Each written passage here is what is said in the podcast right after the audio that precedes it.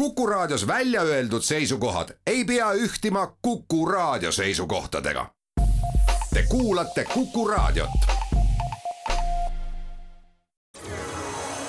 loodusajakiri, vaata ka looduseajakiri.ee. tere kõigile teile, head Kuku Raadio kuulajad. tere saatekülalisele, kelleks on Tartu Ülikooli botaanikaprofessor Meelis Pärtel. tervist. tere. mina olen saatejuht Tiia Rööp ajakirja Eesti Loodus juuninumbris Tartu Ülikooli makroökoloogid kirjutavad sellest, kuidas leida seda, mida ei ole. välitööd taimede tumeda elurikkuse leidmiseks. tänases saates ongi plaanis rääkida tumedast elurikkusest ja rääkida tumeda elurikkuse võrgustikust, aga enne nende teemade juurde minekut oleks vast vaja rääkida lahti mõned mõisted. kõigepealt, mis asi on ökosüsteemi puhverdusvõime? Ökosüsteemid on igal pool maailmas, ükskõik kuhu me vaatame, kas siis metsa, niidu peale, mere äärde, võime seda liikide ja keskkonnatingimuste kogumit nimetada ökosüsteemiks. Ja ökosüsteemid kannatavad globaalsete muutuste all, kliimamuutuste ja inimmõju all küllalt rängasti. ja puhverdusvõime on siis see võime, et ökosüsteem saaks mingisugusest sellisest halvast olukorrast enda olekut taastada et mõned ökosüsteemid puhverdavad ennast paremini, teised kehvemini. millised paremini puhverdavad? üldreeglina elurikkamad ökosüsteemid, sest seal on rohkem võrgustikke, rohkem liike on omavahel nähtamatute niidikestega ja seostega ühendatud ja selline ökosüsteem siis puhverdab ennast paremini, et ta ka toimib paremini. millest räägivad ökoloogid, kui nad räägivad ökosüsteemi teenusest? no see on natukene selline, ütleme, majanduse termini toomine loodusteadusesse, mida on ka mõneti kritiseeritud, et, et kuidas me saame panna raha ja majanduse asju loodusele, aga aga tegelikult ongi niimoodi, et erinevad ökosüsteemid pakuvad hüvesid, mida võib siis ka teenuseks nimetada, mida inimene tarbib igapäevaselt, et selleks on siis puhas õhk, puhas põhjavesi, mis toimub ainult läbi ökosüsteemide, see, et meil on aineringed, et kui puult lehed maha kukuvad, et need ei jää sinna aastate jooksul kuhjuma, vaid nad muutuvad mullaks, mullaviljakus on selline teenus, no ökosüsteemi selliseks hüveks või teenuseks võib nimetada ka seda, et meil on looduses hea olla, kui on puhas ilus loodus, siis see on hüve inimesele, meie tervis on parem, kui me oleme sellises ökosüsteemis. jõuame nüüd saate peateema tumeda elurikkuse juurde, see on suhteliselt uus mõiste. selle termini me pakkusime kolleegidega välja nüüd natukene rohkem kui kümne aasta eest ja see tähendab seda osa elurikkusest, mida ühes ökosüsteemis me võiksime kohata, peaksime kohtama, aga mida just sellel hetkel ei ole seal kohal. see on justkui näiteks äh, meie ära kadunud rahakott, äh, kus on meie raha ja me loodame, et siis keegi aus leidja selle meile tagastab, et samamoodi me oleme kaotanud üsna palju elurikkust erinevatest ökosüsteemidest, aga see elurikkus veel kuulub sellele ökosüsteemile, ta ei ole päris maailmast kadunud, ta on kusagil olemas, aga teda ei ole kohal. Ja me leidsime, et selline puuduolev, aga ökosüsteemile ainuomane elurikkus on selline huvitav mõõdik või nähtus. Ja kui me teame, kui palju on olemas ja kui palju on puudu, siis me saame öelda, et kuidas on ökosüsteemi näiteks tervis, et kui, kui palju neid teenuseid või hüvesid ta suudab meile pakkuda. Selle tumeda elurikkusega on see asi, et kui me läheme loodusesse, me ei saa seda mõõta, sest seda ei ole seal, aga äh, siis me mõtlesime välja, et kuidas siis leida, et millised liigid ei ole, et lähme metsa, et ei ole seal ülastega sinilill, aga on selline salumets, lehtpuud võiks olla, olla, et kuidas seda leida, selleks peab teadma äh, natukene laiemat ruumiskaalad, millised ökosüsteemid on ümbruses, millised liigid on seal olemas ja kui me seda informatsiooni kokku paneme, siis me saame tänapäeval lasta arvutil välja arvutada, millised liigid on siis tumedas elurikkuses. Tartu Ülikooli teadlased lõid neli aastat tagasi koordineeritud tumeda elurikkuse võrgustiku, mis asi see täpsemalt on? see on teadusprojekt selline teadusprojekt, mis töötab osaliselt õhinapõhiselt, kuna me ise tahtsime nii väga seda tumedat elurikkust uurida ja üle maailma, aga ei ole ju aega ega raha ega, ega võimalusi käia igal pool maailmas uurimas, et mis piirkonnas on, on tumedat elurikkust rohkem, kus on vähem. Ja siis me esitasime üleskutse kolleegidele, et meil on selline mõte, et, et kas tulete kaasa, et, et see nõuab teatud välitöid, te peate panema oma aja sisse, me ei saa lubada raha teile, me võime lubada ainult au ja kuulsust, kui tulemused äh, tulevad huvitavad.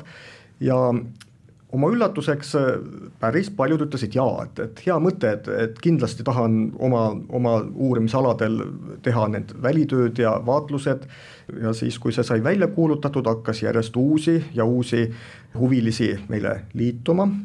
Praegu ka Eesti Teadusagentuur on andnud minu töörühmale teadusgrandi, et me saame seda koordineerida, sest teatud kulud on igasuguse projektiga, aga siis ega alguses mul oli selline väike salasoov, et kui, kui saaks sada ala üle terve maailma kätte, aga, aga praegu on sada kümme on juba niimoodi välitööd on valmis ja, ja päris paarikümnel on, on veel välitööd pooleli, et, et see projekt on, on minu meelest juba õnnestunud, juba on üle maailma kokku toodud ähm, tumeda elurikkuse uurijad, huvilised, esialgsed tulemused on väga põnevad, et me ei ole veel lõplikke tulemusi valmis saanud, aga selle aasta sügisel hakkavad need valmima.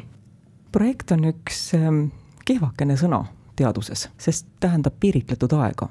kas koordineeritud tumeda elurikkuse võrgustiku tegutsemine on ka piiritletud ajaga? Me oleme pannud äh, teatud piirid, sellepärast et, et kunagi tuleb ju tulemused kokku võtta ja teadusüldsusele ja ka kogu, kogu maailma elanikkonnale meie uued tulemused teatavaks teha. aga üks äh, uurimine tavaliselt tekitab rohkem küsimusi kui vastuseid, seetõttu me päris kindlasti tahame jätkata samas suunas, eh, teha mingisuguseid eh, lisauuringuid, võib-olla kordusuuringuid, tulla viie aasta pärast tagasi täpselt samadele aladele, nendel, kellel see võimalik on, ja vaadata, kuidas on lood seal, me ei saa ka katta kogu maailma, kuigi meil on igalt kontinendilt välja arvatud Antarktis on, on meil proovialasid, siis on, on piirkondi, mis on vähem kaetud Aafrikas ja Aasias eriti. et võib-olla saab uusi uurimisalasid juurde liita, teha mingeid täpsemaid uuringuid, et, et sellised võimalused on olemas, et see õhina põhisus on üks garantii, et midagi huvitavat tuleb välja. meil on aeg teha jutuajamisse väikene paus. loodusajakiri vaata ka looduseajakiri.ee. oleme tagasi stuudios. saates on külas Tartu Ülikooli professor Meelis Pärtel. Enne pausile minekut me jõudsime rääkida Tartu Ülikooli teadlaste poolt ellu kutsutud globaalsest tumeda elurikkuse võrgustikust, mis kätkeb endas võimalust võrrelda tumedat elurikkust üle kogu maailma. milline see metoodika täpselt on? selline koordineeritud ökoloogiline uurimine on äh, tõesti niimoodi, et, et metoodika on üks, täpselt samamoodi tehakse nii troopikas, äh, Arktikas, äh, Aasias ja Ameerikas ja siinsamas Eestis tööd. Ja selle metoodika me töötasime välja, me kutsusime endale appi erinevatest maailma piirkondadest nõukoja kolleegidest, nimekatest teadlastest. Ja kuna me uurime siis ökosüsteeme, taimekoosluseid, siis on uurimisruudud kümme korda kümme meetrit, mida siis looduses kirjeldatakse, aga need uurimisruudud asuvad uurimisalal, mis on üks piirkond raadiusega kümme kilomeetrit. see on selline piirkond, kus me arvame, et need liigid suudavad üsna edukalt veel levida erinevate maastiku laigukeste vahel et need liigid, mis sellises raadiuses on olemas, need võiksid ka teoreetiliselt jõuda meie uuritavatesse ruudukestesse. et taimeökoloogide peamine uurimisviis ongi siis mingisugune kindel maalapikene, kus siis kõik taimed üle loetakse, me ka mõõdame neid, kirjeldame neid ja paneme kõik hoolega kirja ja kui me teame siis, millised taimed on lisaks veel ümbruses kogu selles uuritavas piirkonnas, siis me saame hakata välja arvutama, millised liigid võiksid olla tumedas elurikkuses. selleks me kasutame sellist meetodit, mida me oleme ka ise arendanud, et me põhimõtteliselt küsime olemasolevate taimede käest, et kes on teie sõbrad, et seda teame sellega, et, et me teeme palju pisikesi uuringuid ühes piirkonnas ja vaatame, kes kellega koos käib. et kui meil on olemas mingid liigid, kes mujal on tihti koos teiste liikidega, need teised on puudu, siis ütleme, et need teised ongi siis tumedas elurikkuses, nad on olemasolevate liikide, liikidega tihedalt seotud. loomulikult siin käib taha selline kõva matemaatika ja kuidas seda arvutatakse, sellised kõlavad nimed nagu hüpergeomeetrilised jaotused ja nii edasi metoodika võib olla väga ilusasti kirja pandud, paika pandud, aga lõpuks ikkagi on inimene see, kes seda metoodikat rakendab. kas me saame olla päris kindlad, et üle maailma kõik teadlased teevad seda ühtemoodi, mõni on natukene loomingulisem, teine võib-olla on pedantsem?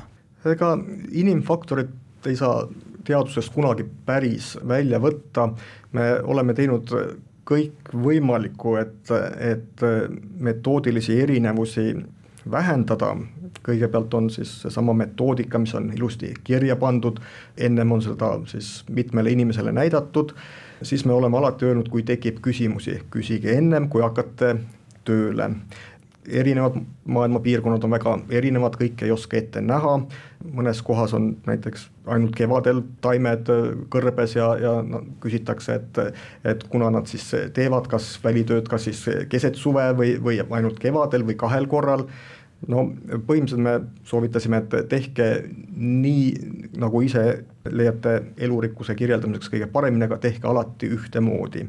et see on ka üks, üks selline viis kui andmeid hakati Tartusse saatma, siis muidugi ei ole piiri ees inimese sellises võimes teha mitmesuguseid vigu või kuidagi väänata need, need esialgsed failid eri formaati, et me nägime hulga vaeva, et neid andmeid ühtlustada, küsisime tihtipeale järgi, et, et mis, mis siin on ja kuidas tehtud on, aga kokkuvõttes ma arvan, et sellise suure tööga me oleme saanud väga esindusliku andmestiku, no kindlasti mitte ideaalse, aga kindlasti maailma kõige parema. kellelgi teisel sellist ei ole. kas ökoloogidel ja botaanikutel on võimekus seda andmemassiivi töödelda? on küll, sest tänapäeva teadus käibki andmetöötluse läbi, andmed on, on mahukad, meil on kokku umbes neli ja pool tuhat taimkatte kirjeldust juba, igas seesama kümme korda kümme ruudukest loodusest ja me kasutame veel lisaks andmeid ka näiteks suuri andmemahtusid, mida on, on loodusvaatlustes tehtud äh, varasemalt, liidame ka need, neid andmeid juurde, seal on juba miljoneid või sad, sadu miljoneid, aga tänapäeva arvutiga saab kõike, kõike ka välja arvutada, et me vajadusel pöördume Tartu Ülikooli teadusarvutuskeskuse poole, et, et arvutusvõimsust suurendada, et, et saame kindlasti hakkama me räägime taimedest ja taimkattest, taimed on väga tugevalt seotud muu mulla elustikuga. kas te pöörate sellele ka tähelepanu või see ajaks uurimise liiga laiaks?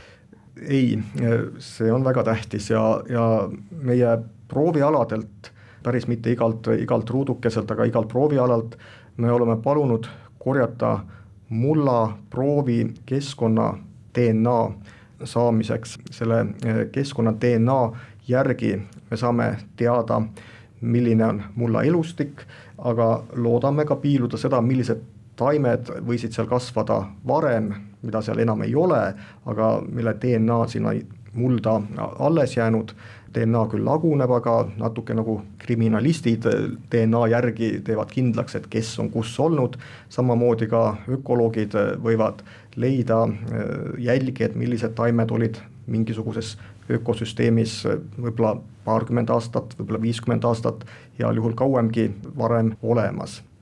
DNA proovi võtmiseks me oleme saatnud Tartust äh, proovivõtu tööriista, põhimõtteliselt kilekott, kus on steriilsed kummikindad ja, ja steriilsed paberkotid, kuhu siis muld pannakse ja pärast kuivamist pannakse need veel silikakeeliga, mis on selline niiskust imav aine kilekotti, et jõuaksid võimalikult niimoodi vähe lagunenud DNA-ga proovid Tartusse ja siin me siis töötame nendega edasi. kui kõik see kogutud andmestik on läbi analüüsitud, millise teadmise võiks see meile anda? me saame kirjelduse meie planeedi taimede tumedast elurikkusest, et me lisaks sellele, et me saame teada, kui palju on taimi koos kasvamas antud hetkel me saame teada, et kui palju on siis neid liike, mis võiksid olla seal ja kus neid praegusel hetkel ei ole. ja kui me seda teame, siis see teooria järgi võiks olla palju tundlikum näitaja, kuidas ökosüsteemid ennast tunnevad, me tahame seda seostada erinevate keskkonnatingimustega, kaasa arvatud ka inimmõjuga, me oleme palunud spetsiaalselt analüüsidesse võtta nii väga looduslikke alasid kui ka teatud inimmõjuga alasid. Ja saame teha siis prognoose, kus on võib-olla looduskaitse küsimused kõige teravamad, millised ökosüsteemid on võib-olla kõige tundlikumad ja kus elurikkus võiks kõige rohkem kaduda, et me saame hulga targemaks, et kuidas loodusega koos siin planeedi peal edasi elada selleks korraks oleme saateaja ära kasutanud. kes soovib enamat teada, kuidas tehakse välitöid taimede tumeda elurikkuse leidmiseks, siis Tartu Ülikooli teadlased annavad sellest hea ülevaate ajakirja Eesti Loodus juuninumbris. saates oli külas Tartu Ülikooli botaanikaprofessor Meelis Pärtel, saatejuht Tiia Rööp tänab külalist selgituste eest ja samuti kõiki, kes kuulasid. aitäh teile! kena nädala lõppu ja jälle kuulmiseni! Loodusajakiri, vaata ka looduseajakiri.ee